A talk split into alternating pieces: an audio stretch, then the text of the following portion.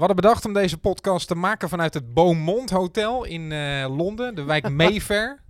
Maar we hadden eh, gevraagd of dat mocht. Er was niet echt toestemming. En om dan op eigen houtje zelf te gaan.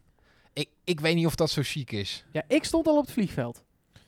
Ja, en de vraag is, aan wie heb jij dan toestemming gevraagd? Want dat, dat Nou, in ieder geval aan iemand. Als, als ik echt had willen gaan, dan vraag ik natuurlijk toestemming aan iemand die daar niet over gaat. Ik Toch? heb, ik, heb Zo zou ik toestemming, dat regelen. ik heb toestemming gekregen. Dus ik ben gewoon al. Ik was echt onderweg toen Ja, jij mij terugbelde. Ja, maar jij hebt toestemming gekregen, gekregen, maar ik heb jou geen toestemming gegeven hoor. Hey, en wat is er naar buiten gecommuniceerd? Hadden we nou toestemming of hadden we geen toestemming? Ja, weet ik niet. Jij, Yannick, gaf mij toestemming. Of gaf jij mij... Nee, ik... Nee. Had ik... Nee? Ik denk dat in ieder geval in deze podcast de waarheid boven tafel gaat komen, toch? Da- dat, eh, laten we daar in ieder geval van uitgaan. Of meerdere waarheden. Ik, daar ben ik bang voor. Het is in ieder geval seizoen 3, aflevering 48 van de PSV-podcast. Het is Pablo Rosario die hem in de linkerhoek kegelt rechts van de keeper.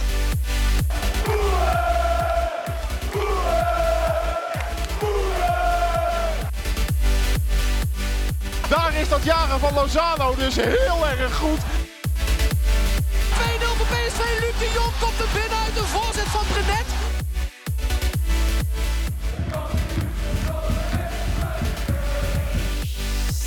Met in deze aflevering gewoon in Nederland, Luc van der Braak.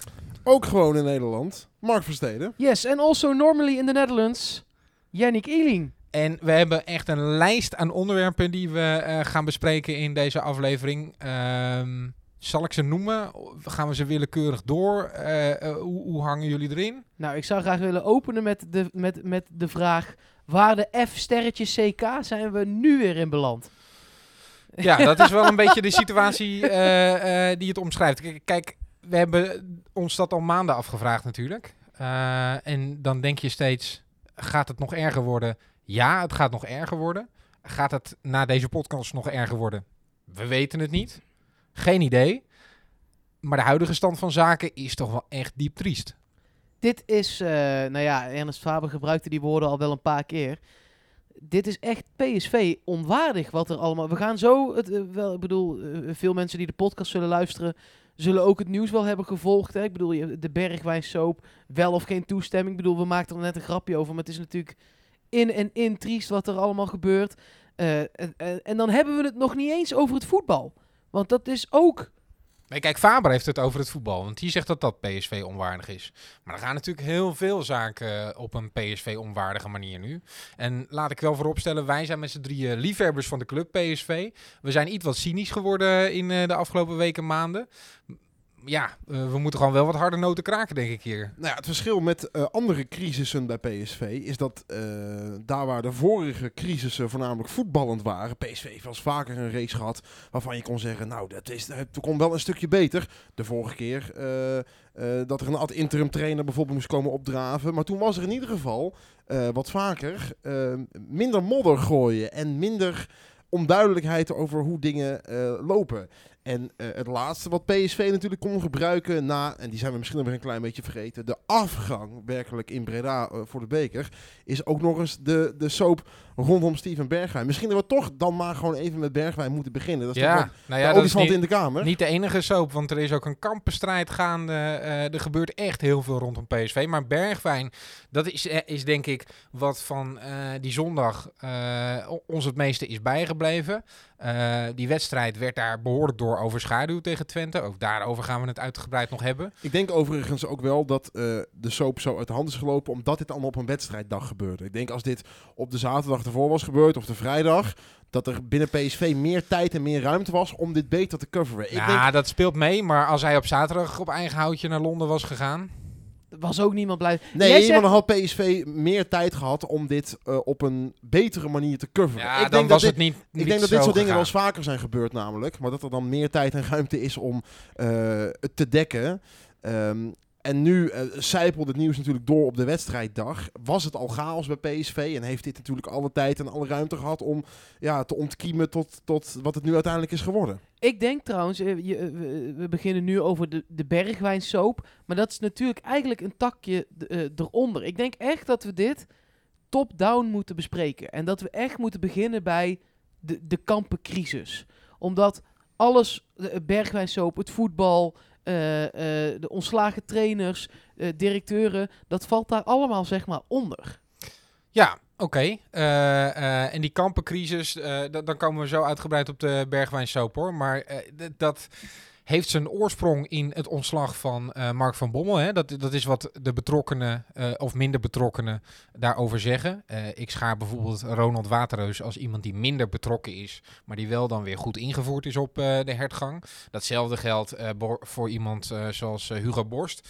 En mensen die wel iets over PSV zeggen, daar niet elke dag lopen, maar ja, die wel het een en ander opvangen. En als je dan zo die verhalen een beetje door een zeefje haalt, dan is hetgene wat overblijft. Mark van Bommel is eigenlijk ehm, nog steeds aanwezig op eh, de hertgang. Dan niet eh, fysiek, al was hij nu wel gewoon bij Jong PSV overigens.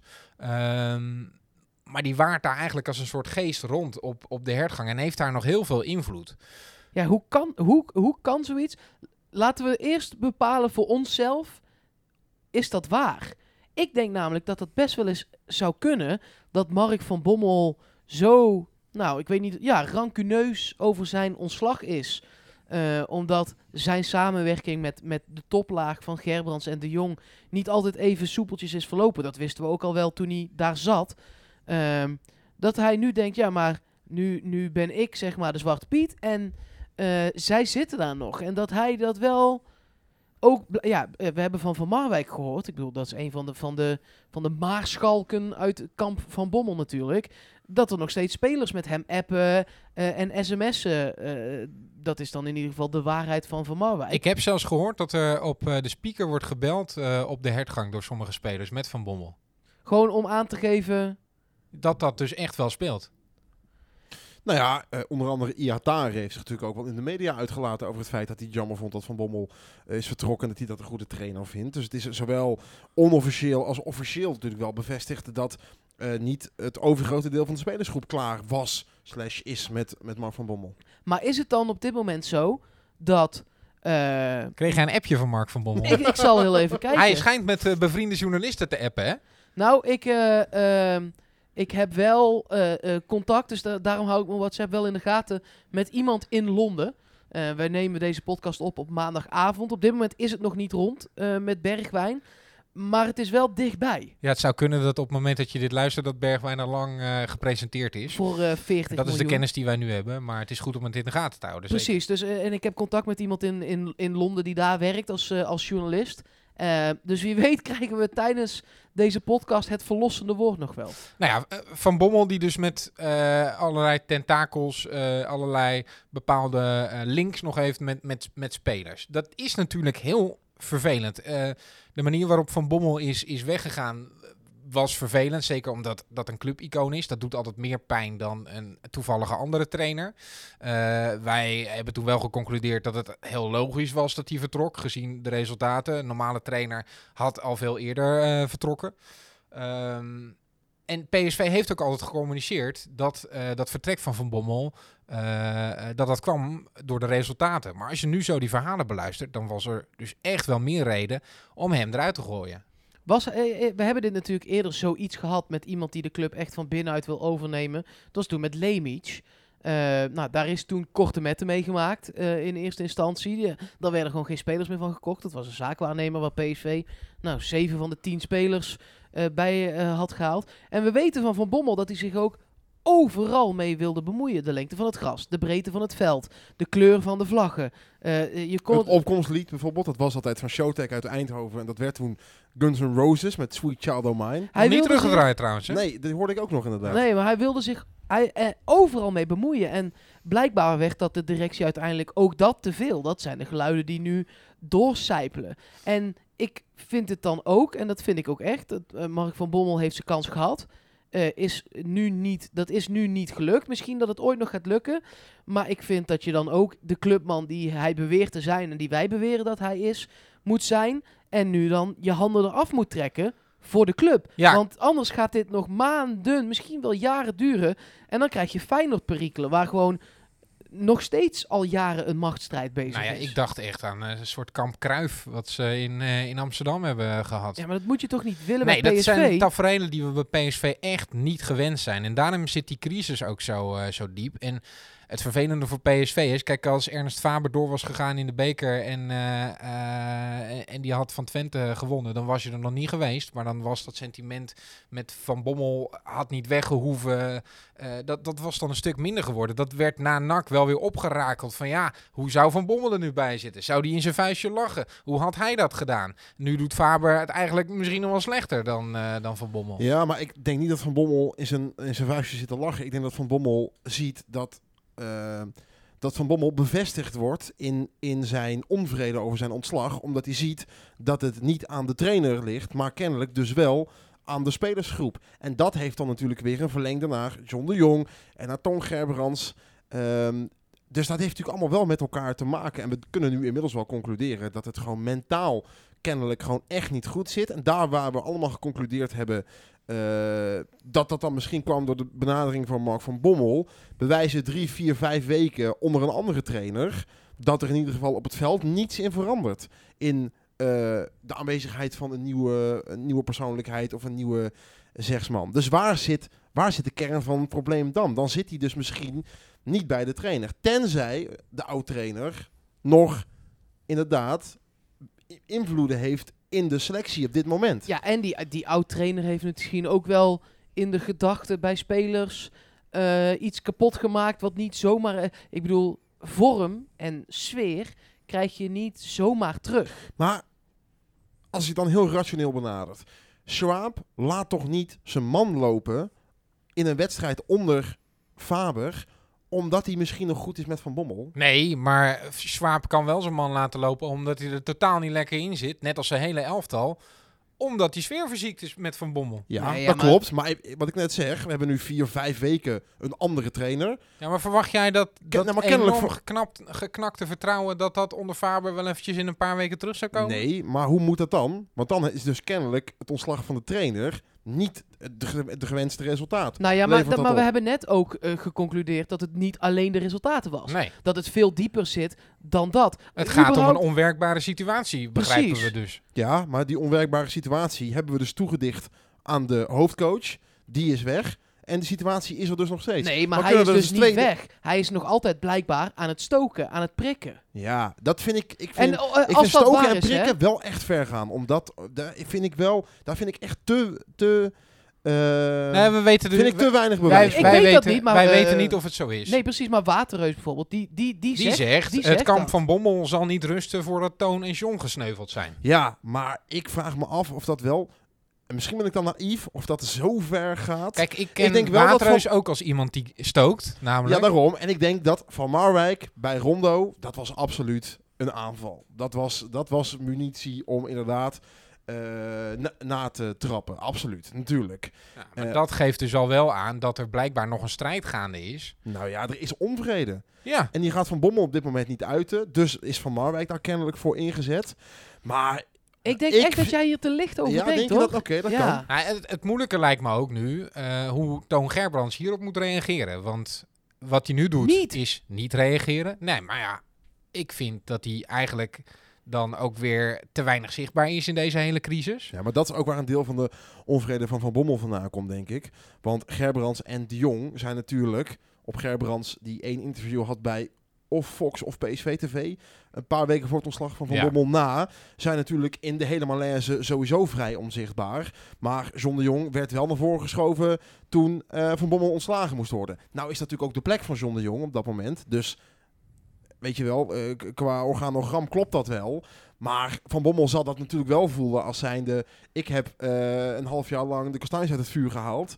eh ten tijde van de malaise. En toen was er verder niemand om me te dekken. Dus dat, dat Nee, maar dat is natuurlijk begrijpelijk dat Gerbrands en de Jong van Bommel niet gaan verdedigen. Als ze eigenlijk al veel langer ontevreden zijn in de samenwerking met Van Bommel. En jij eh, eh, eh, gelooft niet, of jij, jij denkt in mindere mate dat dat ermee te maken heeft.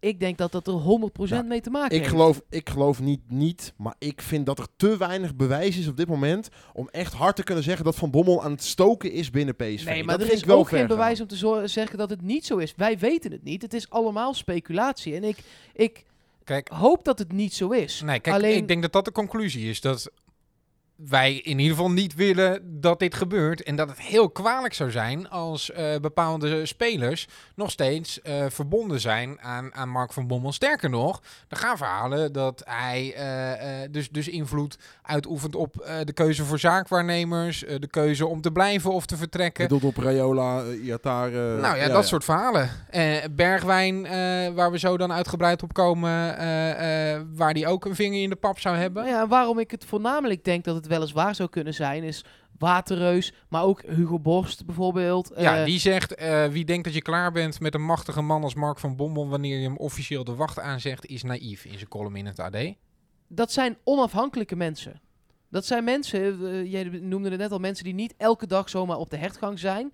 Waterreus iets minder, maar zeker Hugo Borst. En als onafhankelijke mensen dat soort dingen gaan schrijven, ja, dan, gaat, dan zit er wel ergens een kern van waarheid in. Hè? Want die, die mensen, zoals een Hugo Borst, die laat zich niet vatten in een Ja, kamp. want heb je de column van Borst helemaal gelezen? Ja, Daar vond ik wel weinig feiten in staan. Dat was voornamelijk een, een type omschrijving van het karakter van Van Bommel. En voornamelijk een uitvergroting daarvan. Maar daar vond ik niet, zoals Waterreus.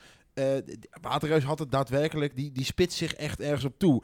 En de column van Borst was, die Ja. bleef wel wat En meer toch- in, het, in het grote geheel, vond die, ik. die twee samen doen, doen voor mij vermoeden dat Van Bommel nog echt een te dikke vinger in de pap heeft. En dat die kampen tegen elkaar aan het opboksen zijn. En alle problemen die we in deze podcast nog gaan bespreken, zijn al- bijna allemaal daarnaar terug te leiden gewoon. Wat is dan de oplossing? Want je kan spelers niet verbieden om contact te hebben met een oude trainer. Eh, ik denk wel dat je er iets van kan zeggen als ze op de speaker eh, met hem bellen op de hertgang bijvoorbeeld. Eh, mocht dat inderdaad waar zijn, eh, want dat is ook maar van horen zeggen. Eh, maar, maar hoe ga je dit dan oplossen? Vraag je het aan mij? Nou Want ja, dan- jullie allebei. Nou, de, de- eh, als je het aan mij vraagt, is het dit seizoen afmaken. In de zomer ervoor zorgen dat alle dissonanten. En ik denk dat Bergwijn er daar één van was. eh, eh, zorgen dat die eh, in ieder geval in grote getalen het liefst allemaal de club verlaten. En eh, gewoon volgend seizoen opnieuw beginnen. En zorgen, net zoals dat je dat met Lemic hebt gedaan. Iedereen die bij Lemic zat, eruit. Toen riep iedereen, dan hou je geen goede speler over. Klopt, hebben we een aantal magere jaren gehad om vervolgens weer op te klimmen. En dat moet je nu ook gaan doen. Want als je nu krampachtig gaat proberen vast te houden, blijf je hier jaren in hangen. Daar ben ik echt van overtuigd. Ja, eh, de vraag is natuurlijk ook, eh, en dat leeft zeker onder de supporters gezien, de spandoeken, de bestormingen, eh, waar we zo ook nog wel op terugkomen, moet John de Jong blijven zitten. Waarbij je dan ook weer kunt zeggen, als John de Jong moet vertrekken, dan is het lot van Gerbrands ook wel zo'n beetje getekend. Want hij is degene die de beste heren heeft, heeft ingeschakeld. Dat is allemaal wel echt een, een, een wurggreep waar PSV in zit. Nee, de aankopen zijn natuurlijk tot nu toe zeer matig. Eh, maar Ernst Faber zat eh, op het moment dat we dit opnemen gisteren, zondagavond, eh, bij Studio Voetbal. En dan liet hij tussen de regels door toch wel weten dat Mark van Bommel wel degelijk bij iedere aankoop gekend is. Hij zei dat niet in zoveel woorden, maar hij zei wel toen dat aan hem werd voorgelegd. Dat is wel mijn ervaring als trainer. Wat natuurlijk eigenlijk gewoon een verkapte ja is. Op het hoogste niveau zijn daar noten te kraken. En eh, eh, dat, lijkt me zo ontzettend moeilijk nu voor PSV. Waar doe je goed aan? Eh, die zoekt toch naar een nieuwe trainer. Met wie gaat hij werken als technisch directeur? Is dat inderdaad John de Jong? Is dat een duo-functie waar John de Jong zelf het meeste in ziet zitten? Welke taak krijgt John de Jong dan? Ehm, het is heel veel vragen hoor. Ik zat op zondag ook met Luc heel even in de auto. En toen hadden we het ook al heel even over John de Jong. En ehm, kijk, wat ik gek vind is de, de, de scouting van PSV was de afgelopen jaren best wel on point. Tuurlijk zitten er altijd miskopen bij. Maar PSV was best wel goed in het halen van de juiste spelers. En ik weet niet hoe jullie daarin zitten. Maar ik kan haast niet geloven dat al die aankopen die nu falen. De, zo hard moet je het gewoon zeggen. Hè? Eh Oenerstal staat dan in de goal. Dat is misschien een beetje een verhaal apart. Maar Schwab kwam terug. Baumgartel, Boskakli, Lato, Thomas, eh Mitroglou. Eh, ik, ik vergeet er nog een Nou, paar. je van Broema? Ja, Bruma. eh, had ik Baumgartel al gezegd? Baumgartel. dat die allemaal, Affelay, dat die er allemaal ineens niks meer van kunnen. Nee, ik weet geloof je, dat niet. Ik denk eh, dat PSV echt heel erg op individueel niveau en op positie eh, scout. Dus als er een speler wegvalt, dan wordt er op de lijstjes gekeken. Oké, welke spelers in welke categorie hebben we daarvoor? En PSV heeft een bepaald beleid. Normaal gesproken is dat, we halen een jonge speler, want we willen daar waardevermeerdering. Eh, en dan kunnen we daarna weer iemand verkopen. Hebben we daarna weer geld om weer een nieuwe aankoop te doen. Zo werkt het normaal gesproken bij PSV. Maar wat je nu in de selectie hebt, is veel te weinig ervaring, is veel te weinig scorend vermogen, weinig spelers die echt net even dat tandje extra zetten. En daar werd onder Brands wel op gescout. Hè? Dan had je een Arias eh, erbij en een Guardado en een Luc de Jong. Dan had je spelers die uit internationale competities naar PSV kwamen. En misschien is dat allemaal eh, eh, niet meer mogelijk voor, voor PSV. Maar ja, jongens, als... Natuurlijk wel voor 15 miljoen kun je prima ervaring halen. Dat en dan lijkt- niet in de categorie beste voetballers, maar een Van Ginkel kost geen 15 miljoen Nee, straks. ik, ik, ik, dat zijn spelers dan met een meerwaarde voor PSV als elftal en als club. En niet individuele aankopen die wel eens goed zouden kunnen uitpakken. Want ik heb dat gevoel continu eh, bij spelers als Bruma, Baumgartel en absoluut ook met Boscarli en, en, en dat soort namen, Doan. Dat zijn aankopen die inderdaad op termijn misschien wel geld opleveren. Maar die moeten ook gewoon spelen in een elftal eh, waar ze zich aan op kunnen trekken. En je hebt gewoon echt die spelers nodig. En dat heeft Faber ook gezegd. We hebben ervaring nodig en we hebben doelpunten nodig. We hebben En ook spelers die een stapje extra zetten. We hebben een hoop jassen nu, maar geen kapstok. Nou, zo zou je het wel eh, kunnen omschrijven. Ja. Hele mooie jassen, maar kunt zij Nou, misschien wel eh, ophangen. jassen die duur zijn en die over een paar jaar hoop nog duurder eh, de deur uit eh, te kunnen doen. Maar ja, als je geen kapstok hebt, dan worden ze alleen maar vies en goor. En dan eh, gaan ze voor niks de deur uit. Ja. Ik vond het vooral fijn om te horen dat Faber nu eindelijk, dat er eindelijk iemand vanuit PSV nu gewoon hard zei dat er een leider mist. Dat dat niet, dat is natuurlijk al een beetje mistig gebleven vanuit Ja. PSV. Ik vond het vooral fijn om te horen. Daar ben ik toch ook wel weer eens over gaan nadenken. Over waarom ontbreekt er dan zo'n leider. En dan kom ik toch weer terug bij afgelopen zomer. Eh, en bij het feit dat Affelay aanvoerder is gemaakt. Ik denk echt wel dat eh, Van Bommel en de Jong een gesprek hebben gevoerd over... Missen we een routinier? Wie gaan we aanvoerder maken? Ja. Wie heeft er ervaring? En dan kan het niet anders dan dat er door beide heren, en daar moet Van Bommel bij betrokken zijn geweest, is gezegd, we zetten in op Affelay. Dat is onze ervaring, dat is onze routine, die maken we aanvoerder. Dan vind ik het dus wel wat kortzichtig om nu dan de Jong eh, op, op de jongen af te geven voor het gebrek aan routine. Want Van Bommel is de man, of in ieder geval de, de veldcoaches van PSV, de mensen die Affelay afgelopen jaren hebben opgetraind, die moeten een oordeel geven over, is Affelay fit genoeg? Eh, is hij in staat om een seizoen te gaan spelen? De Jong niet. De Jong is- die is natuurlijk wel eens een keer op de hertgang, maar die hoort eigenlijk in het kantoor te zitten. Dus ik vind om nu helemaal af te geven dat het aankoopbeleid van John de Jong het gebrek aan routine is, niet helemaal fair als Nee. je bedenkt dat Affelay aanvoerder is gemaakt. En Nee. daaruit blijkt dat Van Bommel, of de staf destijds, daar kennelijk achter stond. Want die maken hem aanvoerder, niet John de Jong. Ja. Dus daarin vind ik wel ook dat, dat John de Jong dan toch nog wel... Bij de aankoop van Afvalai eh heb ik toen ook in de podcast gezegd... eh, het is wel weer een vriendje van Mark van Bommel dat erbij komt. Eh, en ja, we weten van Mark van Bommel dat hij graag eh, mensen om zich heen heeft verzameld. Dat deed hij echt. eh, eh, die in zijn straatje pasten. Die met hem konden werken. Die hij kon kneden. En je hebt gewoon gasten nodig die zeggen nee en nu doen we het eens een keer zo. En die zijn er gewoon te weinig in de selectie geweest. En eh, nou ja, de, verhouding tussen John de Jong en Van Bommel, daar is ook al eh, genoeg over gezegd en geschreven. Van Bommel is toch altijd de aanvoerder van John de Jong geweest eh, op het veld. Hè? Dan heb je toch een bepaalde verhouding.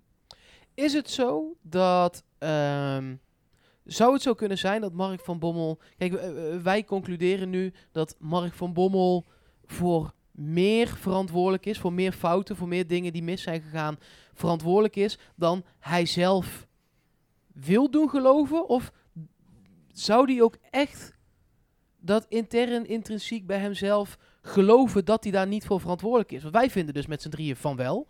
Dat Ik denk dat hij eh, gelooft in zijn plan, in ieder geval. Maar de- denk je dat hij ook echt gelooft als een soort eh, pathologisch leugenaar, zeg maar? Niet, niet dat het zo heftig is op dat niveau, maar dat hij echt denkt, het is allemaal de fout van John de Jong en ik heb niks fout gedaan. Dat lijkt me sterk, toch? Ja, Nee, Moeilijk. Zo, zo hard heeft hij dat toch ook nooit gezegd? Nou, Nee, zo hard als hij nu van zich aan het afbijten is, doet Nou vermoeden ja, dat zelfs- hij voelt... Ja. Nou ja, zelfs, zelfs Van Marwijk heeft wel het een en ander eh, aan kritiek gege- eh, geleverd op eh, Van Bommel ook. Ja, maar niet aan de aankoopkant. Nee. Kijk, zij zei, ik, ik geloof dan dat porren misschien wel. Eh, en zij zijn natuurlijk voornamelijk aan het porren in die aankoopkant. Ja, maar je kan toch niet met droge ogen beweren dat Sainsbury en Beach goede aankopen waren. Exact. Die zijn Nee, echt heel groot nadeel daarin hoor. Nee, die- maar dat is, mijn, dat is mijn hele punt. Van Bommel heeft daar een hele grote vinger in de pap gehad. Ja, natuurlijk. En je kan niet concluderen dat dat goed is geweest voor PSV. Echt niet. Dat, dat, Ja, dat, nee, dat is, dat, dat, dat kunnen we wel een streep onder zetten. Eh, dan is het zondagochtend. En dan krijgen we de berichten door dat eh, Steven Bergwijn eh, niet gaat spelen voor PSV. Midden in een crisis zitten we. We zijn uit de beker gevlogen. PSV moet zich revancheren tegen Twente. Bergwijn gaat niet spelen. Eerst is nog de vraag: is dat om hem te beschermen voor een transfer of is dat op eigen verzoek? Eh, vervolgens start er een eh, online talkshow van PSV waarin eh, Faber gewoon zegt: Het is op zijn verzoek. Hij heeft me vanochtend gebeld en eh, gevraagd: Trainer, is het oké als ik vandaag niet speel? Ik ben te veel bezig met een transfer. Een transfer die echt al een week in de lucht hangt, blijkbaar, want die interesse die, die is er al voor langere tijd. Eh Faber heeft gezegd, jongen, als jij daar druk mee bent, eh, begrijp ik dat. Ga je gang en, en, en eh, richt je daar maar op. En, en wij gaan voor de wedstrijd kijken wat de beste oplossing is. Nou ja, dan gaat de sneeuwbal rollen en ontstaat er een soap van je welste rondom Steven Bergwijn. Wat is daar allemaal... Hoe? Hè? Zullen we eerst eens even eh, luisteren naar de lezing van Bergwijn, wat hij daar zelf over zegt. Uiteindelijk aan het einde van de dag heeft hij erop gereageerd. Toen er veertien kranten over vol waren geschreven, zei Steven Bergwijn er zelf dit over. Nou, er is eh heel hoop over mij geschreven. Ik heb het zelf allemaal gelezen. En ik vind het erg jammer dat het zo is gegaan. Er is niks van waar. Ik heb eh, nooit geweigerd om voor PSV te spelen. Dat zou ik ook nooit doen. Ik ben een jongen van de club. Ik ben sinds klein dag gekomen. PSV zit in mijn hart.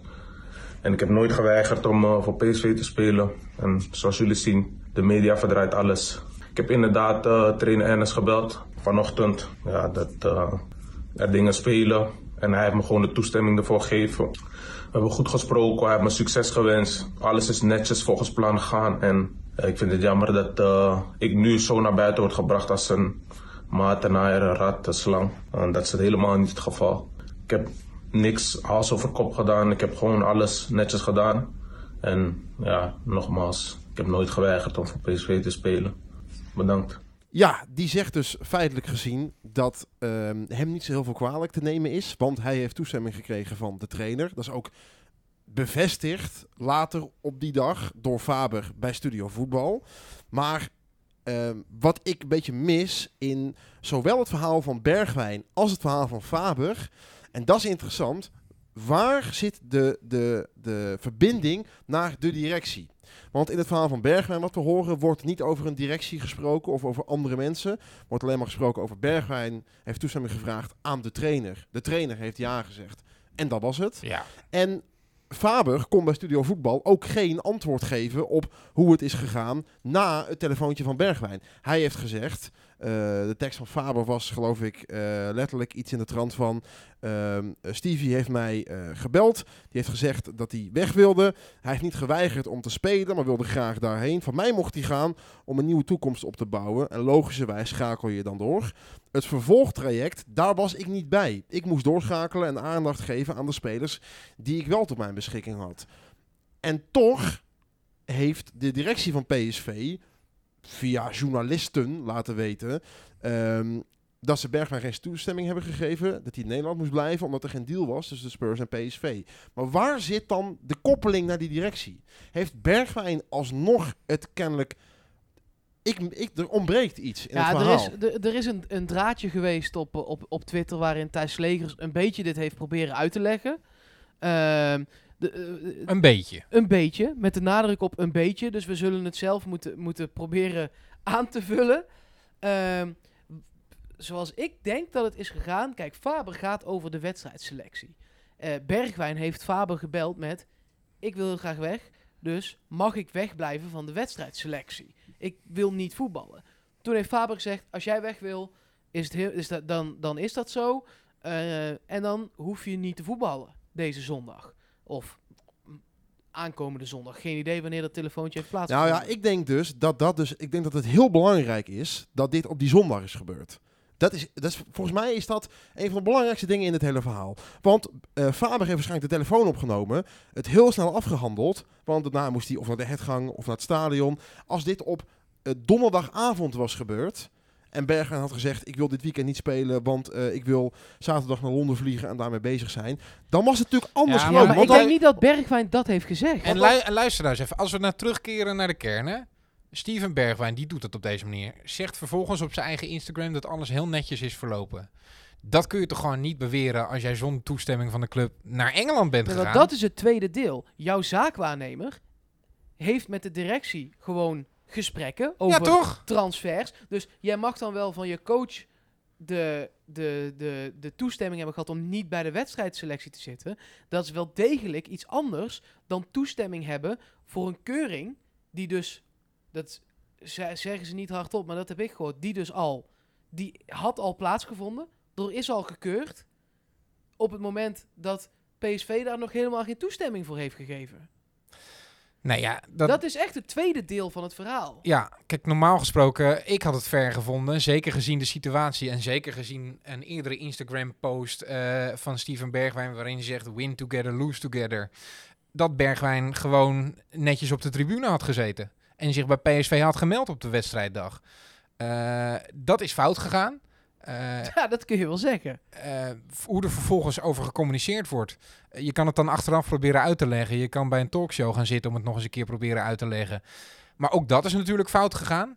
Ehm, en nu zit Bergwijn in Londen.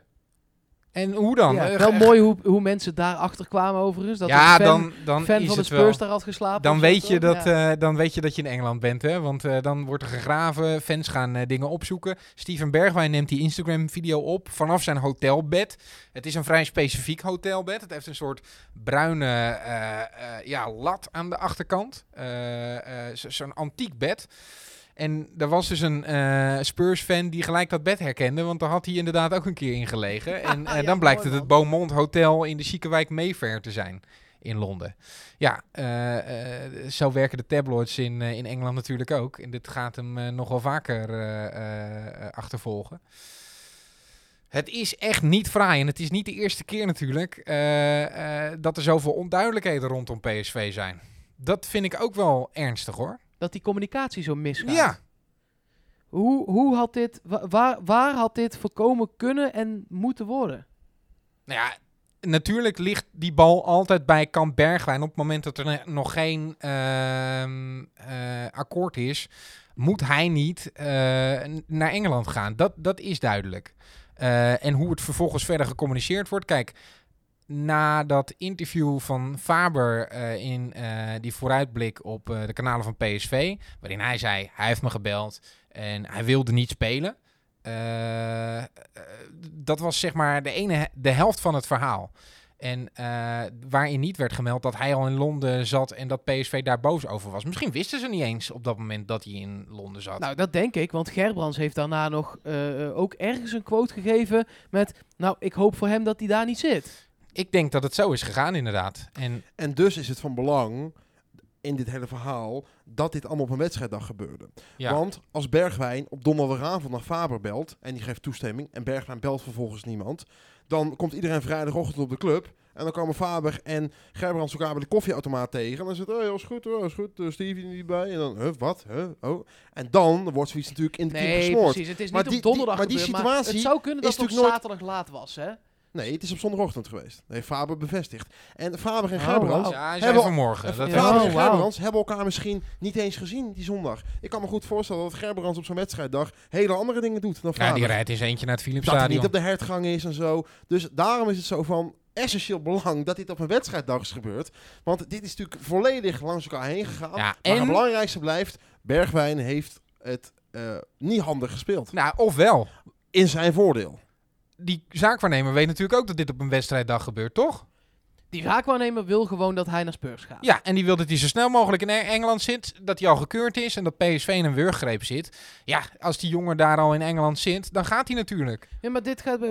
kijk, Ja, maar als er geen deal is, gaat een club toch iemand niet keuren? Als PSV in onderhandeling is met... Nee, maar die weten toch wel dat ze hem voor veel goedkoper kunnen krijgen. Als... Nee, maar ik hoor, jou net is- zeggen, ik hoor jou net zeggen dat Bergwijn gekeurd is op zondag al. in een achterkamertje. Ja, maar een Da- club... da- da- dat is wat ik heb gehoord, hè. Gerucht. Dus... eh, Ik weet niet of dat zo is. Maar, Ik, ik zou dat heel sterk vinden. maar P- Dus als PSV onderhandelt met, eh, met eh, Groningen over Doan, dan, dan gaan ze Doan maar alvast even keuren ik voordat denk dat de hij daar gewoon is in afwachting Ik denk van dat Ik dat- denk Nee, dat een hele domme zet is van Bergwijn. Die geen ervaring heeft hij mee en die denkt, we moeten er naartoe en we gaan er naartoe en we Ja, boeken maar een hotel. Dan nog, Luc, heeft hij toch gewoon een zaakwaarnemer? Ja, dat klopt, maar we weten toch allemaal hoe zaakwaarnemers werken? Ja, dus die speelt het in zijn voordeel Ja. uit. Tuurlijk. Dus wie kunnen we het kwalijk nemen in deze hele discussie?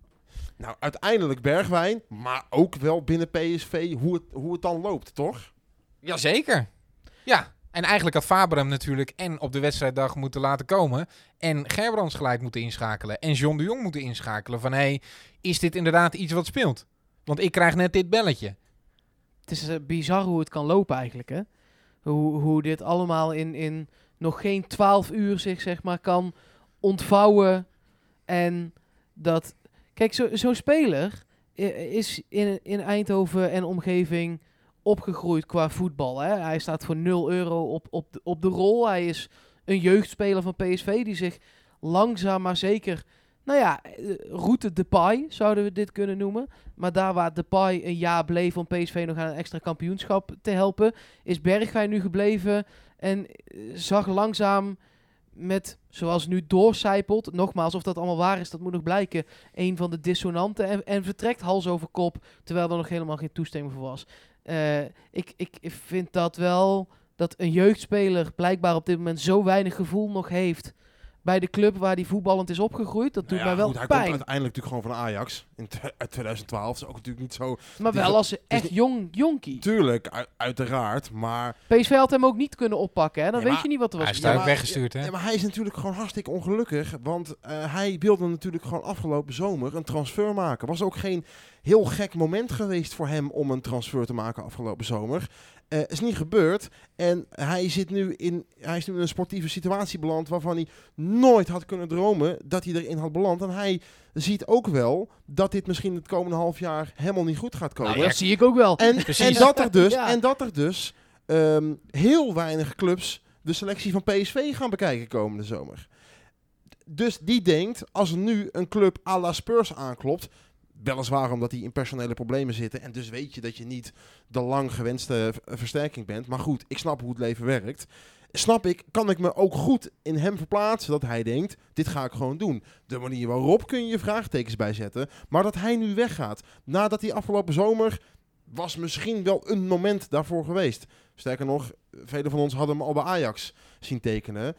Snap ik wel dat hij in de huidige malaise eh, in die zin voor zichzelf kan Ja, kiezen. ik denk ook Dat niet is dat daar discussie over is. Nee, dat, toch? dat, Spurs is een eh, positieverbetering. Het is een hartstikke mooie club. Ik ben benieuwd of hij daar gaat spelen met Mourinho, die het niet zo op jeugd heeft. Ze halen hem, dat snap ik wel. Maar dat, maar dat zegt in Engeland ook niet, niet Ja, alles. ze halen hem omdat ze geblesseerden hebben. Niet omdat ze hem graag willen hebben. Maar als die snel terug zijn, hè? stel die geblesseerden zijn sneller terug dan verwacht. Hij komt daar op de bank, dan kun je je, kun je, je EK kun je afzwaaien. Hoor. Ja, klopt. Maar ik denk wel dat Bergwijn denkt, dit gaat dit seizoen niet meer goed komen. Wij eindigen straks zesde in de competitie. En het wordt een hele treurige zomer. En misschien dat hij niet eens met het Nederlands elftal mee was gegaan. Als hij in zijn huidige vorm was blijven hangen. Dat is Want de afgelopen waar. maanden was het natuurlijk ook niet je van het bij Bergwijn. En dan druk ik hem echt nog heel erg zacht uit. Nee, maar alleen daarom al kun je, kun je dit, deze hele transfer kun je van twee kanten prima rechtvaardigen. Voor Bergwijn is het een stap hogerop. Voor PSV is het een speler die volledig uit vorm is. Verkopen voor waarschijnlijk 35, 40 miljoen euro. Ja, 30 als het miljoen 30 pond. miljoen pond is, dan is het 35 eh, en een beetje. Precies, ja. Eh, daar zal het ongeveer op uit gaan draaien. Eh, het zal misschien iets meer worden dan dat, maar niet heel veel meer. En ehm, dan is het van beide kanten, kun je het nog wel aanvaarden, deze stap, maar niet hoe. Nee. nee en dat, hadden allebei de partijen, van, de- voordat dit allemaal gebeurde, hadden beide partijen, zowel PSV als Kamp Bergwijn, zich dat ook moeten bedenken met, dit gaat, als we het normaal doen, ook prima goed komen. gelijk maar eh, eh, naar wat PSV met dat geld moet gaan doen? Of is dat te vroeg? Nou ja, de naam van Van Anholt gaat al eh, rond. Toen dacht ik heel even... Van Arnold, hè? Niet van, Arnold. Sorry, ja, ik dacht heel even eerst dat het Van Anholt was. Ja, die had je tegen NAC zien spelen. Die vond je wel leuk. Die van, nou, maar ik dacht, ja, Ook le- op linksback speelde die trouwens. zeker. En die zoeken we nog één. Dus ik dacht eerst, daar gaat het dan om. Die hebben ze zien voetballen donderdag. Blijkbaar waren ze onder de indruk. ja, ja. Maar het gaat om Van Arnold, ja. En eh, niet huur, maar ook echt koop. Ja, eh, de eerste, het eerste bod van PSV zou zijn eh, afgewezen. Hè? Dat is een pot, bod van ruim 4 eh, miljoen pond. Als ik het even zo uit mijn hoofd zeg. Volgens mij wil Crystal Palace echt een significant hoger bedrag. Eh, die weet natuurlijk ook dat, eh, eh, dat PSV flink wat geld gaat ophalen met Bergwijn. Dus ja, PSV zal ook wel iets moeten gaan betalen. Van Aanholt komt terug van een blessure. Riedewald speelt daar volgens mij nu linksback. Het zal niet makkelijk worden voor PSV om hem te halen. Al begreep ik wel dat hij graag wil. Ja, dat, wat ik een beetje ook... Nou, misschien mist hij Brabant. Hij komt uit Den Bosch. Hij is een, hij is een, hij is een echte Brabander wat dat Nou, betreft. dan is hij al best wel lang weg voor iemand die Brabant mist. Ja. Nee, maar misschien dat we, het zou kunnen. Ja, toch? ja, eh, nou ja dan of houdt dat hij, houdt hij het lang vol. Of dat hij zijn kinderen nu toch liever in Brabant wil laten opgroeien. Want in principe speelt hij daar in een vijfman dus, eh, defensie als hij fit is aan het begin van het seizoen. Eh, hij speelde de eerste 17 wedstrijden gewoon allemaal. Dus eh, eh, hij- toen raakte hij inderdaad geblesseerd. Maar hij speelt daar in principe eh, de, de hele linkerkant gewoon, eh, gewoon plat. Ja. Ja, het is echt een, eh, eh, een aanwinst voor PSV als dat zou lukken natuurlijk. Zeker. Eh, daar ben, ben ik zekerder van dan Rodriguez. Maar die- wacht even, want ik, ik ben, ik zit hier echt even naar te kijken, naar dit gesprek tussen jullie. We constateren net dat, dat het binnen PSV helemaal mis is. Dat er een aantal dissonanten zijn. Dat we bang zijn dat dit nog wel eens een tijdje aan zal duren. Dat we komende zomer moeten hopen dat er een hoop vertrekken. Waarom moet PSV dan nu miljoenen neer gaan leggen om een linksback aan te trekken? Omdat het gewoon iemand is die eh Nederland zelf al zou kunnen halen. Ja, en die ga je dan meetrekken in deze malaise. Nee, die haal je gewoon voor, voor de komende wa- trainer. Waardoor je de komende zomer met hem ook misschien op een punt bent beland waarvan je denkt... ja, maar dan elke, kun je nooit niemand meer nee, kopen. elke ploeg in de Eredivisie zou toch Van Aanholt opstellen? Dat dan denk is ik het, ook. Ja, Denk dan ook. is het toch een significante eh, versterking? Ja, dan haal je die toch? Ja, maar en dan? En de rest dan? Nee, ja. Da, da- Ja, daar als gaat je het niet over. Nee, Ja, maar ja, als je, ja, wel nee, toch? tuurlijk niet. Als je hem nu voor 4,5 jaar tekent en dit half jaar gaat dan misschien nog kut. Maar hij blijft wel en in de zomer kun je een paar extra wisselingen doorvoeren. Heb je die plek maar alvast eh, Ik bezet. ben gewoon bang dat PSV daar gewoon veel te veel voor moet betalen op dit moment. Dat denk ik Want ook. Maar wintertransfer, wat zou jij dan eh, eh, acceptabel vinden? om voor hem te betalen Ja, wat, wat is je max? Ja, ik, ik vind eh 4,5 als het PSV dat geboden heeft. Euro. Ja, Ja, want het is pond, hè? ja. Ja, maar een wintertransfer... Wanneer doe je een wintertransfer? Als je... Als je, als je speler al in Londen zit in een hotel. Ja, dat klopt. Heb ik, heb ik het ook ja, begrepen. dan ja. doe je wel een wintertransfer. hoor. Maar wintertransfers zijn over het algemeen eigenlijk altijd te duur. Toch? Nou ja, en bovendien, ehm, om, ben- om nou te zeggen waar PSV nog voor speelt en, en of een linksback daar nou heel veel verschil in dat gaat is maken. mijn punt. Mijn punt is niet of hij een aanwinst is voor PSV. Mijn punt is ook niet of PSV eh, wel of niet in hem geïnteresseerd zou Ja, moeten maar zijn. dan, dan moet je je afvragen, eh, ha- dan kan je hem nu halen of je kan hem volgend jaar zomer misschien proberen te halen. Maakt dat dan heel veel uit voor jou? Nee. Dan zou ik hem liever nu halen. nee, ik zeg ook dat je het moet. Dat je het, als je hem wil halen, moet je dat vooral doen. Maar ben gewoon bang dat je, dat je gewoon. eh, dat je duur betaalt. Het is zelfs zo dat het, eh, het, het vervolgbod volgens Jack Vergelder rond de 10 miljoen euro ligt. Ja, dat is een hoop geld voor een linksback. Aan de Eh, andere kant, als wij voor Bruma 15 eh, betalen en eh, eh, voor een aanvaller die eh, niet elke keer in de basis staat en als hij in de basis staat niet presteert, dan heb ik het liever voor een linksback uitgegeven die ik el- elke week zou opstellen. Ja, ik ben met sorry. jullie eens dat als je, als je iemand kunt halen en je kunt die inbrengen in, in de ploeg. En daarvan denk je, oké, dan gaan we in het komende half jaar gaan we daar naartoe werken. Allah. Maar ik heb Faber ook horen praten na de wedstrijd tegen NAC Breda. Waarin hij min of meer gezegd heeft, eh, als je niet aanstaat, dan, dan zoek het maar uit. Dan gaan we met de anderen door. Als wij dan in deze podcast con- concluderen dat er een hoop dissonanten, om het woord dan nog maar een keer erbij te gaan halen, in de ploeg zitten. Die Faber misschien ja, noodgedwongen maar moet blijven opstellen, maar die je eigenlijk niet wil hebben. Als er gekonkeld wordt binnen PSV. In wat voor situatie plaats je dan zo'n zo'n aankoop van, van 10, 11 Hoop. miljoen? Ja. Ik ben, daar gewoon, ik ben daar gewoon heel benieuwd naar hoe je dat dan gaat doen.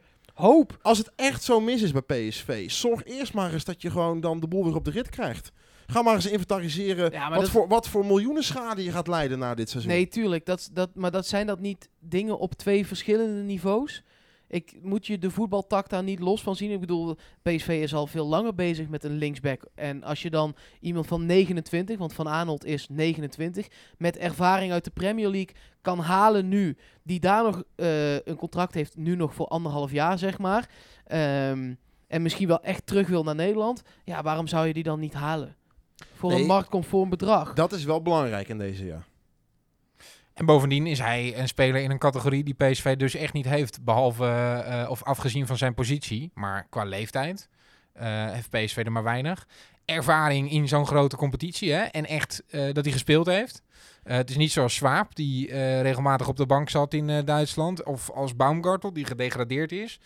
Dit is een jongen die gewoon vaste waarde is daar. Ja, be- begrijp me niet verkeerd, Luc. Ik begrijp je punt, heel goed.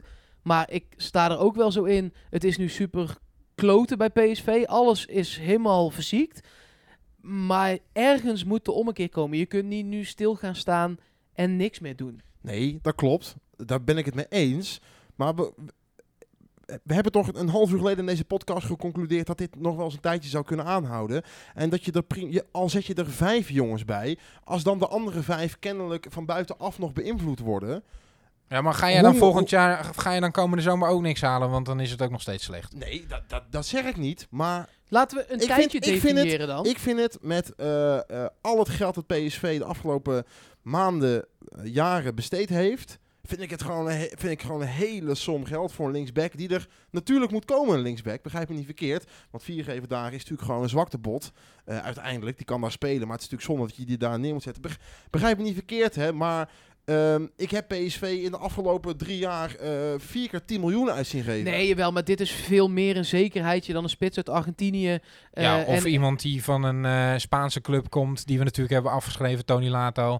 Of die bankzitter is in Frankrijk met Mosconi. dit, is geen, dit is geen gokje van 10 miljoen. Of zoals iemand die in, in Milaan niet speelt en die eh, eh, eh, met Zwitserland naar een EK Ja, willen. Want dat is de volgende, die nog steeds wel boven PSV hangt ook. Zeker. Fenerbahce heeft zich toch weer teruggetrokken, is De laatste stand ik van een- zaken. Ik vind die Rodriguez een groter risico eh, dan Van Arnold. Of een bankzitter van AZ die graag naar PSV wil, met oude een Jan. groter risico.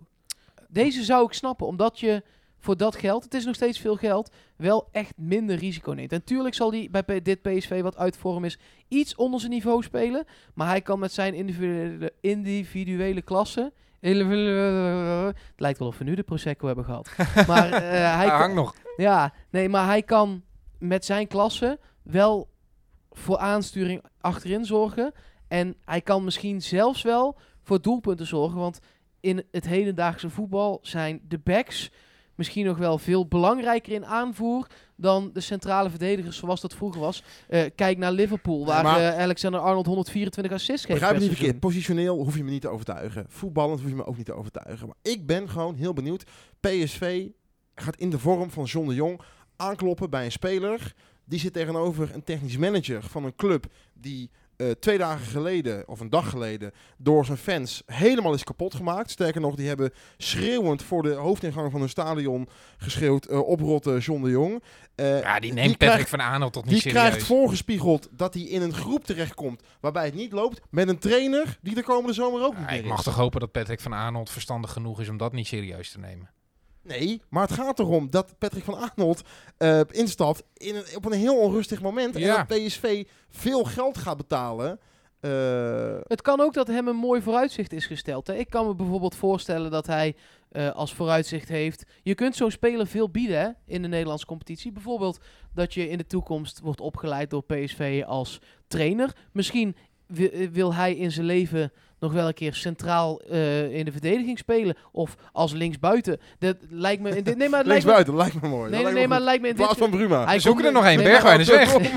Nee, maar hij komt nu natuurlijk als, als linksback, dat snap ik wel. Maar je kunt met dat soort randvoorwaarden betere spelers wel naar je club halen. O- o- om, en dan kun je nu zeggen, dit half jaar wordt misschien nog heel even veel, maar dan kom je nu alvast. En dan gaan we samen met jou bouwen aan een PSV 3.0, wat hier weer titels gaat veroveren. Ik speel me Hij heeft nog geen titels, hè? Ik speel mijn advocaat van de Nee, dat is fijn dat je dat doet, eh, eh, Luc. Maar hij heeft Ben nog je, geen ben, je nog wel, ben je nog wel in voor ook eh, leuke geruchtjes qua linksbacks? Nee, of denk je, er moet helemaal niks gehaald worden? Nee, en, zeker. Ik ben zeker in voor leuke geruchtjes qua linksback. Want eh, een naam die ook oppopt, hè, eh, zag ik in één keer eh, bij Argentijnse eh, media voorbij Oh, je gaat komen. nu met Jan Heijnsen komen, maar dat Nee, nee, nee, die heb jij al geopperd. Ja, Eh, dat is het, is het niet geworden. Eh, maar een naam die in Argentijnse media aan PSV werd eh, gelinkt, is die van eh, Jeugd International. Ah, overigens maar één keer in eh, Jong Argentinië gespeeld. Ja. Francisco Ortega. Francisco Ortega, 20 jaar is hij. En nou ja, een echte linkervleugel-verdediger. hij speelt bij Vele Sarsfield op dit moment. En ik vond dat wel een interessant gerucht. En ik dacht, wat nou als je die Ortega, als je die haalt, en je geeft hem de aanvoerdersband. Dan heb, je, ja, ik voel hem aankomen. dan heb je dus kapitein Ortega. Ik ontdekte het scheepsjournaal van kapitein Ortega in een klooster dat uitkijkt over de zee. In de ochtend van de 16 februari 1634 legde Ortega zijn schip voor anker achter een koraalrif. Dezelfde nacht nog werd hij aangevallen door piraten. Het in brand geschoten schip zonk op de zeebodem. Tien dagen later werd de kapitein half bewusteloos op het strand gevonden, het scheepsjournaal nog in de armen geklemd. Hij beschreef daarin een wereld van kleine onderwaterwezens, niet veel groter dan zijn duim. Niemand geloofde hem, maar weet je, ik denk dat het verhaal van kapitein Ortega best eens waar kan zijn.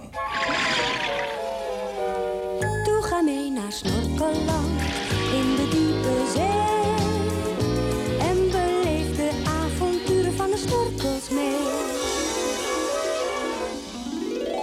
Nou ja, dat gerucht zou best eens waar kunnen zijn.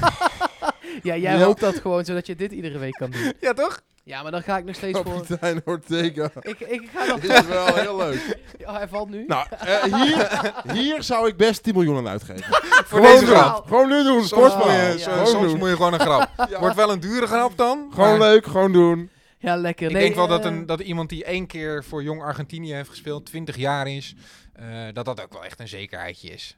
Weet je, eh, tot, nu toe, eh, tot nu toe zijn eh, de eh, Argentijnse jeugd internationals die wij hebben gehaald eh, zeer succesvol En die eh, kost ook niet geweest. zoveel, toch? Nee.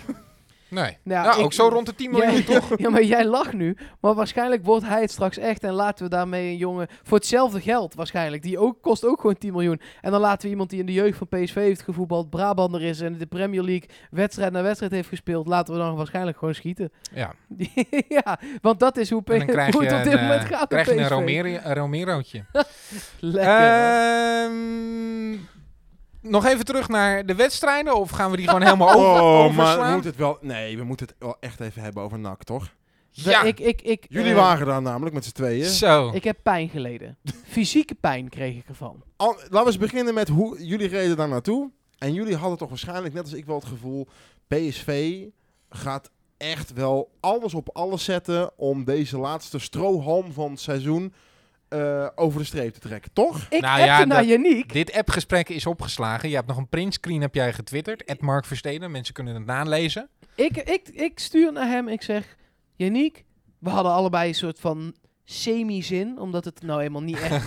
Ja, je zit er toch niet lekker in. Donderdagavond, je, eh, eh, iedereen uit voor hem in de kou in Breda. Maar goed, we gingen en ik kreeg op een of andere manier een soort hernieuwde moed. Dus ik stuur naar Yannick in de WhatsApp. Ik stuur Yannick, we gaan vanavond de ommekeer meemaken van PSV. dit wordt de wedstrijd waarover wij in mei op het Stadhuisplein zeggen... Oh, mooi. Dit is waar het allemaal omgekeerd is. Ik heb nog nooit zoveel lachende emojis gestuurd, geloof ik. geloof ik. Het is dat je in een WhatsApp-gesprek niet zo makkelijk weg kan lopen. Maar deze voorspelling had ik het dan gedaan. Kijk, ik hoopte gewoon... AZ verliespunten. P- A- A- Ajax verliespunten. Ik ben er echt van overtuigd dat als je gewoon een paar puntjes meer had gepakt de afgelopen weken... Ik dacht dat als je een goede dag hebt, dat je dan NAC Breda kan verslaan. dat je dat zou zeggen. Nee, maar dat PSV echt nog mee had kunnen gaan doen op het kampioenschap. Ik zat er helemaal lekker in. En eh, nou, dat was na een minuut of... eh nou, de eerste helft was zo slecht nog niet voor een ploeg uit vorm. Was gewoon gelijkwaardig aan NAC. Dus dat was oké. Maar die tweede helft zakte ze weer. Er, er was niet eens een ondergrens. Het is toch bizar ook. Ja, het is heel bizar. Ja. Er was niet eens een ondergrens Je om doorheen kijkt te er ook zakken. gelaten naar dan. Ja, hè? ja, ja. We- Na de wedstrijd zijn wij nog even bij de persconferentie gaan kijken. We hebben daar nog een sausijzenbroodje gegeten in de kantine. Eh, we hebben nog wat eh, eh, cynische grappen met elkaar gemaakt. En dat was het dan wel weer. Ja, en op de terugweg heb ik bluff aangezet. Het was alles weer prima. En laten we, niet, we- laten we wel wezen, het enige waar PSV nog serieus om speelde, hè? Eh, afgezien van een eventuele tweede plek misschien nog. Of afgezien nee. van play-offs die we misschien nog moeten gaan spelen aan Zullen het we- eind van het seizoen. Zullen we het, eh, de term Maar- tweede plek voorlopig even... eh, Nou ja, dat lijkt me volledig logisch om die te parkeren. voor mij in deze podcast. Ja, maar dan, dan was het het enige serieuze waar je nog om speelde. Hè? En we hebben natuurlijk afgelopen jaren gezien dat PSV de beker nou niet heel serieus nam. Eh, tegen RKC vorig jaar zijn we eruit gestuurd omdat we een, eh, een B-elftal opstelden. Nu speelde PSV in de sterkst mogelijke opstelling en leg je het af tegen NAC. Dat is, dat is pijnlijk. ja, vertel mij wat. Dat is wat, hé. Ja. En niet, eh, want eh, die, die reactie kregen we tijdens de wedstrijd van iemand, namen ze me even ontschoten. Maar die zei, wat is nou erger of je met een B-elftal tegen RKC eraf gaat... of dat je op kwaliteit eraf gaat tegen NAC. Ik denk uiteindelijk dat het niet kwaliteit is, want al die jongens van PSV kunnen echt wel beter spelen... eh, eh, dan Boussaïd van NAC, die een geweldige dag had. bij FC Utrecht. Ja, natuurlijk. Eh, normaal gesproken is Gakpo eh, drie, vier klassen beter. Het gaat natuurlijk om dat zij met het mes tussen de tanden speelden en PSV niet. En dat is wat Faber ook zei na die wedstrijd. En dat vind ik het schrijnende. Eh, dat zo'n verschuren eh, op het middenveld van NAC aan het heersen is. Terwijl dat helemaal geen briljante voetballer is. Maar die, is, die loopt het vuur uit zijn sokken. En noem er maar eens een bij PSV die dat doet. In die wedstrijd zeker geen. Maar wij zaten in het stadion. Luc, jij zat thuis. Heb je de 90 minuten vol kunnen maken? Eh, ja. ik was achteraf vooral blij dat geen verlenging werd ook.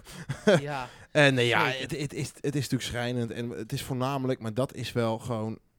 een, eh, wat natuurlijk al langer boven PSV hangt. Het gebrek aan motivatie, het gebrek aan doordekken, doorjagen, pootje ervoor, shirtje trekken.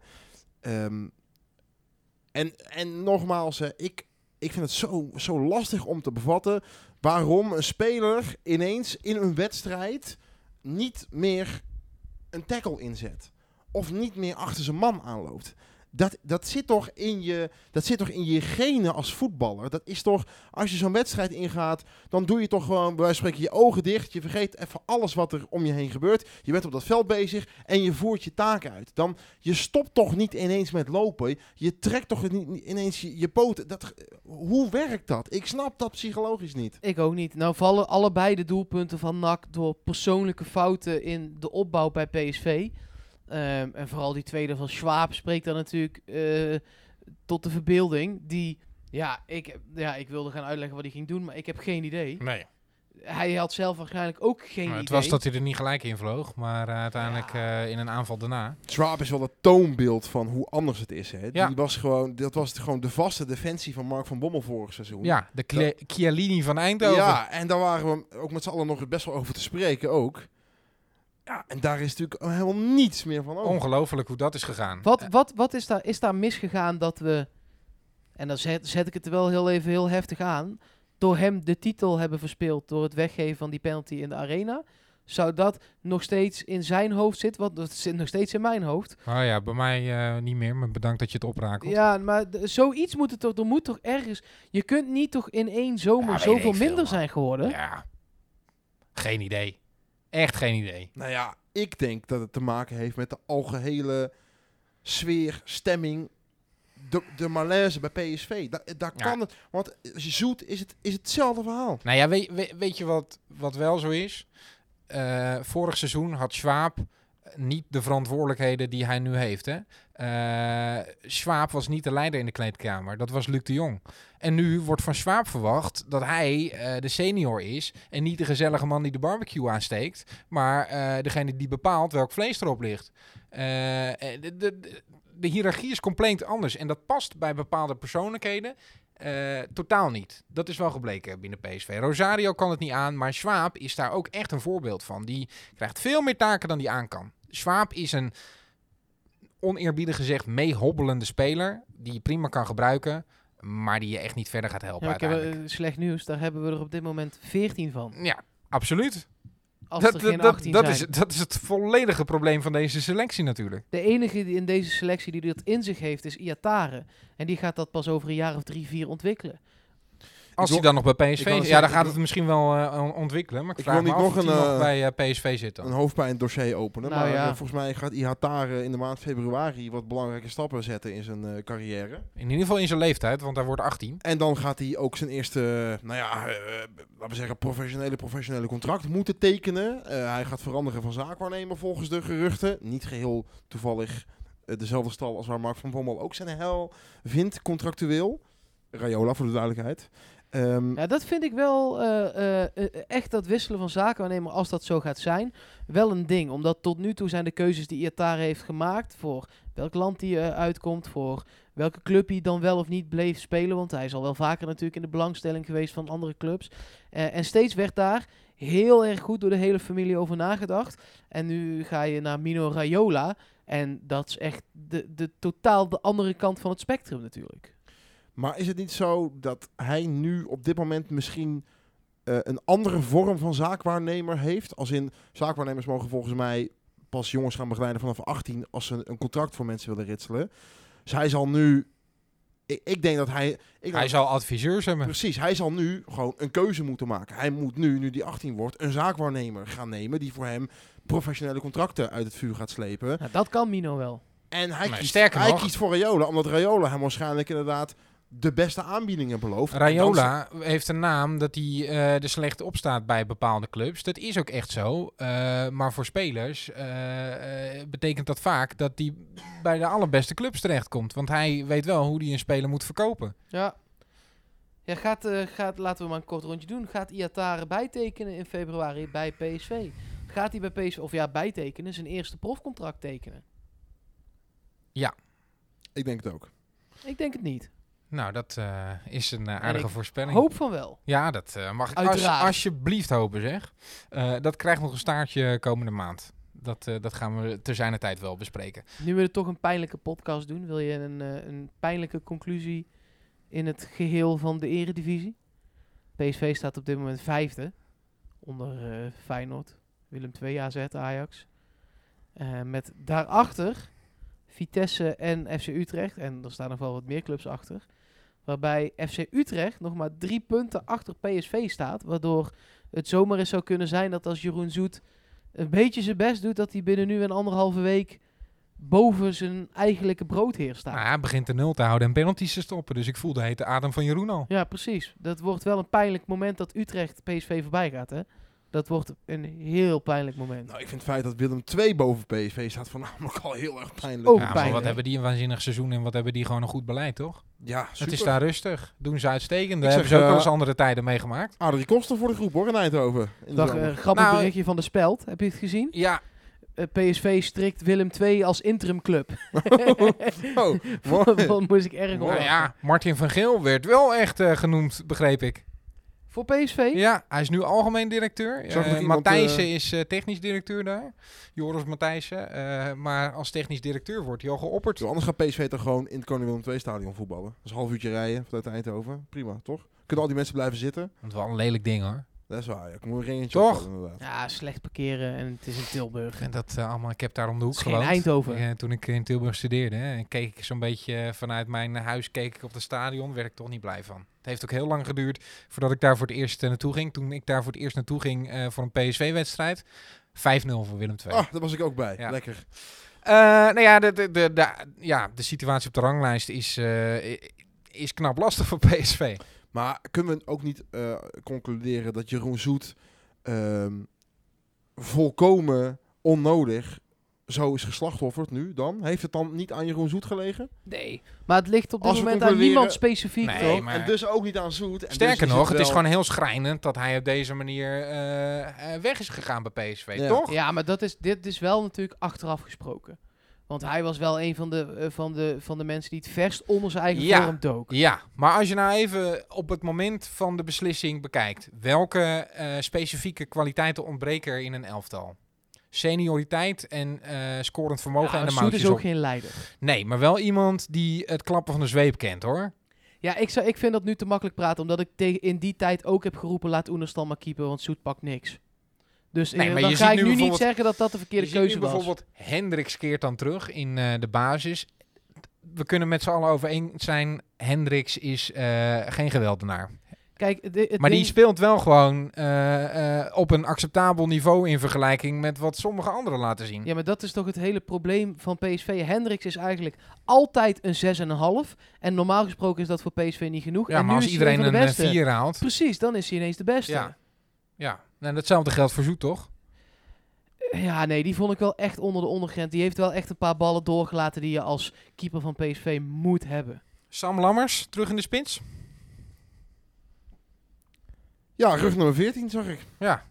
En eh, Ja, hij ik- krijgt geen bal. Ja, nee, ja. Ik, ik, ik vind het heel moeilijk om het spel inhoudelijk er iets over te zeggen. Over Nou, Sam behalve dat hij die ene paas wel had mogen hebben van Gakpo. Zo. Oei, oei, oei, oei, oei. Die had Gakpo toch echt wel met zijn ogen dicht nog moeten geven. Ik Ja. denk dat het ook een leerzame fase is voor Cody Gakpo. Ja, laten we het hopen. Kijk, de vorige keer dat wij in het eh rechte rijtje belanden voetballend, stond Locadia in de spits. Nou, daar is het daarna nog best wel redelijk bij PSV dan in ieder geval mee afgelopen. Speelt nu... eh, Voor een goed bedrag verkocht in ieder geval. Precies, dus dat voor PSV is dat... eh, en eh, speelde vanaf de linkerkant ook best wel een paar aardige wedstrijden, toch? Laten we wel wezen.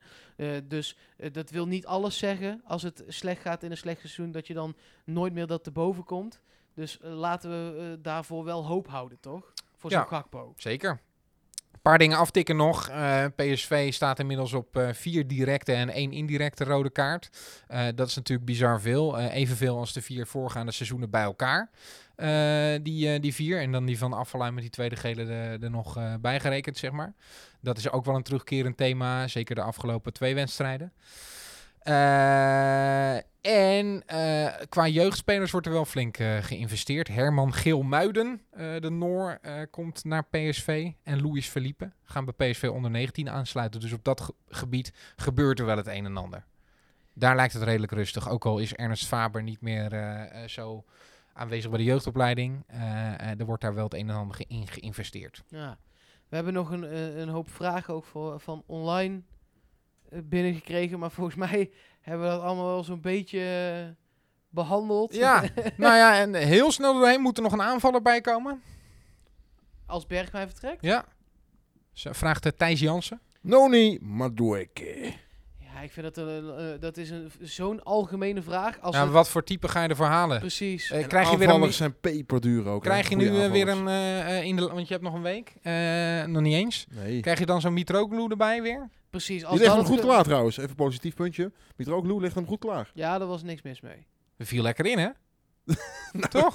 Nou ja, Goeiedag, hij legde hem goed. Ja, Hallo! hem goed klaar. Hallo! Ja. Ik probeer iets positiefs te ja, zeggen. ik snap. Luc, dat jij... eh, Mitroglou legde hem goed klaar. Nee, dat was top. Ja, Hij struikelde daarna over zijn eigen aanname. maar Hij nee. le- nee, hij legde die bal goed klaar. Oké, hij legde die bal goed Luister, klaar. als, als Mitroglou die bal niet had klaargelegd, had PSV verloren. Hey. Ik snap dat jij een Mitroglou shirtje hebt. Ja, nou die had ik. Oh. Maar, eh, Nee, eh, eh, maar moet PSV er een aanvaller bij krijgen? Kijk, als je eh, een fantastische buitenspeler kan halen voor een marktconform bedrag en je kunt het als club betalen. Tuurlijk moet je het dan altijd doen, maar je moet niet nu een paniekaanvaller gaan halen om het aan. Dan kun je inderdaad beter Manueke erin zetten. We hebben Gakpo nog, we hebben Doan nog, Mitroglou nog, Lammers nog. Malen komt uiteindelijk ook wel weer een keer terug van een blessure. Dus wat dat betreft loopt er nog genoeg aanvallend rond bij PSV. Ja, eh, nog een andere vraag. Donald, hoe lang moeten de stadionverboden voor de doorgesnoven capuchonnenbende worden? Wat mij betreft levenslang. Wat zeggen jullie? Eens. eens. Ja, laten we daar korte metten mee maken alsjeblieft zeg. Wat is dat? eh, een wangedrag. Dat hoort echt niet bij PSV. Normaal doen. Mocht je luisteren en jezelf schuldig hebben gemaakt aan dit soort dingen, eens normaal. ik zou hem gelijk uitzetten, want eh, dit hoeven we er niet bij. Maar dan verwacht je van de club dat ze normaal gaan doen. En dan doe je, ga je dit doen. Ja. Ja, wat, wat wil je dan? Ja, dan- dan ben je toch nog erger bezig dan iedereen binnen de club. Ja joh. Geweld is nooit, ever, ever, ever nooit de oplossing. Eh, ja, en dat waren wel een beetje de grote vragen die we nog niet behandeld hebben. Er zijn mensen die altijd aan ons vragen hoe gaat het met eh, de huurlingen. Maar het lijkt me dat we dat even op een wat rustiger moment eh, moeten gaan Nou, ik ben wel benieuwd hoe het met Romero gaat eigenlijk. Daarvan een uitgebreide analyse als het wat rustiger is. Nou, wat, wat wij, wat, het is wel echt leuk om alvast kort even te melden. Hij gaat dus, ondanks dat hij op 27.000 kilometer vliegen zit, gaat hij mee in het niveau van PSV. Dat is knap hoor. Hij is op de bank beland, begreep ik. ja, zeker. Ja. Nee, dat gaat echt wel lekker. Eh, PSV...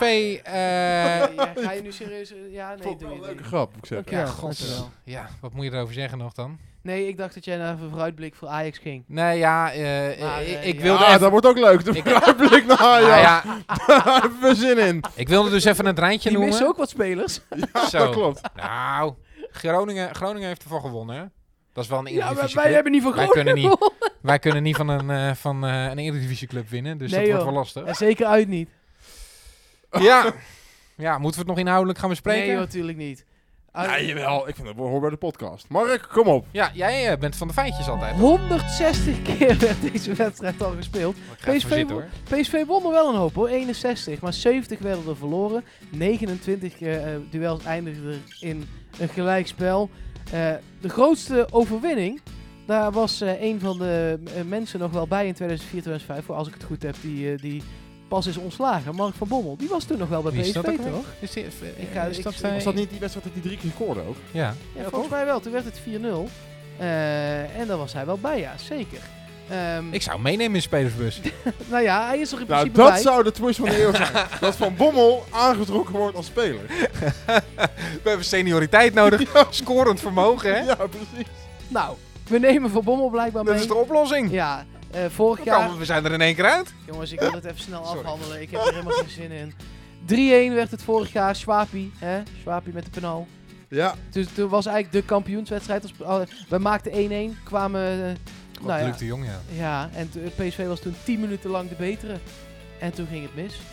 Ehm Ziyech is er niet bij. De vraag is nog of eh, Blind erbij is. en Neres niet. Ja, ze missen wel echt wat jongens daar. Zeker. Dus, eh, nou ja, dat. Hey, en ik wil alleen wel nog even duiden dat Ajax 2, jonge Ajax, wel won van NAC. Dus eh, ja. dat wil ik nog even... nou, dat wordt nog lastig, ja. Eh, en uit, hè, we pakken nul, nul overwinningen uit. nee, Niks. en, en even over die wedstrijd heen kijkend. eh, het verdere programma Willem 2 thuis. Ah, is een topper. ADO en Vitesse uit krijg je daar achterna. Ja. Dan krijg je Feyenoord, wel in, eh, in Eindhoven. Maar god, eh, die staan ook gewoon boven ons. En dan krijg je Groningen uit. Dus Ja. het zijn echt wel potjes hoor, de Oftewel, komende weken. Ploeg die boven ons staat in het Philipsstadion. Uitwedstrijd waar we niks van bakken. Nog een uitwedstrijd waar we niks van bakken. Ploeg die boven ons staat in het Philipsstadion. Uitwedstrijd waar we niks van bakken. Dat is eigenlijk de, dat is eigenlijk de conclusie Ja. van de komende Ja. weken. Ja, en dan hebben we afgelopen wedstrijden hebben we tegen Twente en tegen VVV gespeeld. Waarbij je dan, ja, toch normaal gesproken zou zeggen zes punten. Het waren er twee en twee doelpunten van Denzel Dumfries. Het zegt allemaal wel genoeg. Gaat er nog een ommekeer komen dit seizoen? Waar, waar, waar, laten we kort nog heel even de conclusie pakken nu. Eh, waar moet de eerste, waar komt de verandering vandaan? En Uit Londen, wordt denk ik. Uit Londen. Ja? Ja, daar gaat eh, een speler eh, Da, da- maar da- is, dat, is dat de ommekeer? Nee, De- niet. En Nee. niet meteen de ommekeer, maar is, wat, is, wat gaat bij PSV het begin van... Guus loopt er rond, René Eikelkamp komt er rond. Er zijn genoeg mensen die ervoor kunnen zorgen nu dat het weer goed gaat met deze club. Met de club waar wij zo van houden en waar we nu van zien dat het in de sloot ligt. Ik denk ook dat Guus uiteindelijk dat voor elkaar gaat krijgen. Maar dat Guus daar wel twee, drie maandjes voor nodig heeft. En niet Ja. vier weken. Maar ik ben ook wel benieuwd wat hij dan... Hoe dan? Want er gaat Nou, toch geen kopje zal- koffie tegenop nu? Nee, ja, oké. Maar als er dus kennelijk zoveel onvrede is rondom nog steeds de invloed van Mark van Bommel, dan moet er eerst maar eens Ja. een neutrale partij die mensen aan tafel Ja, Guus. Hiddink is wel een meester om dit soort dingen te doorbreken. Hè? Die heeft, eh, bij Korea heeft hij de hele hiërarchie heeft hij doorbroken. Bij Australië heeft hij exact hetzelfde gedaan. Hij is een meester om dit soort groepsprocessen te begeleiden. Dus ik denk inderdaad dat hij, dat hij daar iets in kan betekenen. Maar vervolgens is eh, de vervolgstap. PSV moet een nieuwe trainer gaan aanstellen. As soon as possible. En Ja, ook bekendmaken. Maar komt hij dan ook worden. uit, tussen aanhalingstekens, de stal van Hiddink? Want die heeft eh, René Eikelkamp al naar de hertgang gehaald. Gaat Fred Rutte terugkomen bijvoorbeeld? Ik zou het Hiddink lekker zelf eh, wel willen zien doen. Nou ja, ik niet. Nee joh. Houd toch op. Hoezo niet? Nee joh. Als manager met, met daaronder hem eh, een aantal mensen die de trainingen doen, zoals misschien Fred Rutte, graag. Tja. Als een Engelse Ik manager. vond hem een beetje een warrige indruk maken, eerlijk gezegd, hoor, toen hij bij het Nederlands elftal zat. Vond je dat warrig, ja? Op Nou, zijn zachts gezegd. Als hij als Engelse... nou, dan hebben we eh, Van Breukelen hebben we er nog bij zitten in de Raad van Commissarissen. Nee, dan ja, heb je het clubje weer bij elkaar, hoor. Maar als ik, hij zou, als, ik zou Danny Blind zou ik erbij halen Hey, of Dick Advocaat als assistent. Is Misschien ook een God, wat hebben we daar misgegrepen, hè? Wat was dat een ideale interim trainer geweest? Zeker. Ja, dat blijkt nu toch ook bij. Feyenoord. maar Zou wel. Dikkie het gewoon niet willen doen? Als ze bij Feyenoord iemand nieuws hebben dat je tegen Dick zegt, hup, Dick Nee, vier maar jaar. Frank Arnissen die gaat met Dickie praten of die komend seizoen niet trainer kan blijven. Oh, ja. Ik zie dat dus eh Hiddink wel graag doen. Als niet eh, dat hij nog op het veld moet staan, maar als hij daar de leiding heeft, ben ik er wel van overtuigd dat hij met zijn managementkunsten dit soort dingen niet laat gebeuren. En dan kun je eh, de Fabers van deze wereld of zenders, mensen die gewoon goede training kunnen geven, de trainingen laten geven. Fred Rutte eventueel. ja, maar dat is toch eigenlijk precies hoe het met Van Marwijk en Van Bommel is gegaan? Nee, dat is wel, vind ik wel echt anders. De- dan is Hiddink is wel echt de baas. Is wel echt de man die de gesprek voert. Die staat wel op het trainingsveld en die zorgt wel dat eh, de opstelling wordt gemaakt. Maar Hiddink kan wel eh, zorgen dat een ploeg in balans is. Maar hij moet van jou ook dan wel echt de titeltrainer hebben en de opstelling maken en... en Hij is de, eh, eh, zoals een manager in Engeland is, die belangen na niet Ferguson, alle trainingen... zeg maar. z- Ja, die belangen na niet alle trainingen zelf doet, maar wel als compleet gerespecteerd mens bovenaan de keten staat. En dan gebeuren dat soort dingen als er, dat er op speaker met Van Bommel wordt gebeld. Dat gaat gewoon niet gebeuren als hij daar de baas is. Echt niet. Ja, eh, afwachten hoe PSV deze week eh transfertechnisch overleeft, denk ik. En dan maar kijken. De, eh, volgende week weten we het. Als Wie we gaan weer naar de, zitten. are- ga jij naar de arena? Nee, hè? Eh, wij gaan samen naar de Oké. arena. Nou, dat wordt Ik gezellig. weet niet, dat wist jij nog niet? Ja, dat we, ik eh, had hem volgens mij inderdaad eh, opgeschreven. Ik zit eh, die zondag eh, zit ik op een bierkantus. Maar Oh, dat Eh, heb je beter geregeld. Jazeker. Dus bij het fluitsignaal ben ik al helemaal dronken. Dus we kunnen ook de podcast zondagavond opnemen. En dan kan ik gaan vertellen dat ik een wereldwedstrijd gezien heb. En dat ik het weer helemaal zie zitten. Dat verhaal zou best wel eens waar kunnen zijn. Zullen we gewoon puur, stel spelers of mensen van de club luisteren naar deze podcast, zou ik deze podcast graag willen afsluiten. Gewoon met één of twee minuten die ze aan iedereen Stilte. In acht nemen. van ons is heen gegaan. de filmsportvereniging. Oi, oi, oi. Nee, gewoon heel even één, anderhalf, twee minuten die je aan iedereen kunt laten horen. Die iets binnen de club betekent, die misschien op de tribune zit, die daar met een programmaboekje tegen ingang 8 stond te gooien. Eh, de- dat je dat aan iedereen kunt laten horen. Eh, en dat misschien dan wel bij ons, we weten niet zo goed waar het de begin van de ommekeer moet zijn. Laten we dan in ieder geval een duit in het zakje doen. En eh, hardop uitspreken hoe mooi de club is en waar ze het allemaal voor doen. PSV is natuurlijk altijd een club geweest die creatief met situaties eh, om is gegaan. Eh, een beetje een underdog altijd heeft eh, gehad ten opzichte van de situatie in de Randstad. Daar is altijd wel weer iets moois uit opgebloeid. En ik hoop en ik denk en ik weet dat dat in deze situatie ook weer gaat gebeuren. En mocht je betrokken zijn bij de club of fan zijn en nu denken het gaat nu super slecht. Eh, zeker als je bij de club werkt, bedenk dan wel dat je bij de club werkt. Of dat je fan bent van de club waar Ronaldo heeft gespeeld, waar Romario heeft gespeeld, eh, waar de Europa Cup gewoon een keer is gewonnen, waar internationals zijn opgestaan, waar Champions League wedstrijden tot kolkende Philips stadions hebben geleid, waar kampioenschappen worden gevierd. En ja, ook dalen, maar na die dalen moet er wel ergens weer een stijgende lijn zitten. Dus zit je in kamp van Bommel, ik vind het helemaal prima. Zit je in kamp John de Jong, laten we het zomaar even noemen, ik vind het helemaal prima. Maar in het clublied zit niet voor niets eendracht maakt macht. Ga alsjeblieft voor de club en de supporters gewoon allemaal erachter staan. En van dit half jaar er het beste van maken. Maar zeker daarna er weer het beste van maken. Deze komt in het rijtje van Martin Luther King, denk ik hoor. Die gaan we losknippen. En, eh, mooi. Wat vind jij? Ja, vind ik ook. Nou, dan zijn we er toch? Dat is toch mooi? Nee, Dus- natuurlijk. Je moet, je moet altijd proberen je ergens aan vast te houden. En PSV heeft vaker crisissen doorstaan. Er zijn uiteindelijk altijd weer titels uitgekomen. Dat gaat nu natuurlijk ook gebeuren. Maar, Nou, ik ik, voel denk, dat jij lekker positief gaat afsluiten. maar ik denk dat dit dal dieper is dan, Nee, we gingen het dan positief. een week. Een week en alles is weer oké. Dus geef het de tijd. Ehm, en uiteindelijk eh, staan er op YouTube oude wedstrijden van PSV die je kunt terugkijken. Oké dan. Hou hoop. Dat is toch... Het komt goed, maar het duurt wel even langer dan een weekje. En het is ook wel even wat, wat, wat zwaarder dan John de Jong wegsturen. Maar uiteindelijk komende zomer, als PSV lekker in Verbier zit, met een nieuwe trainer, met een nieuwe staf, komt het helemaal piekfijn in orde. Blijft een mooie club, toch? Waarom? Schitterend.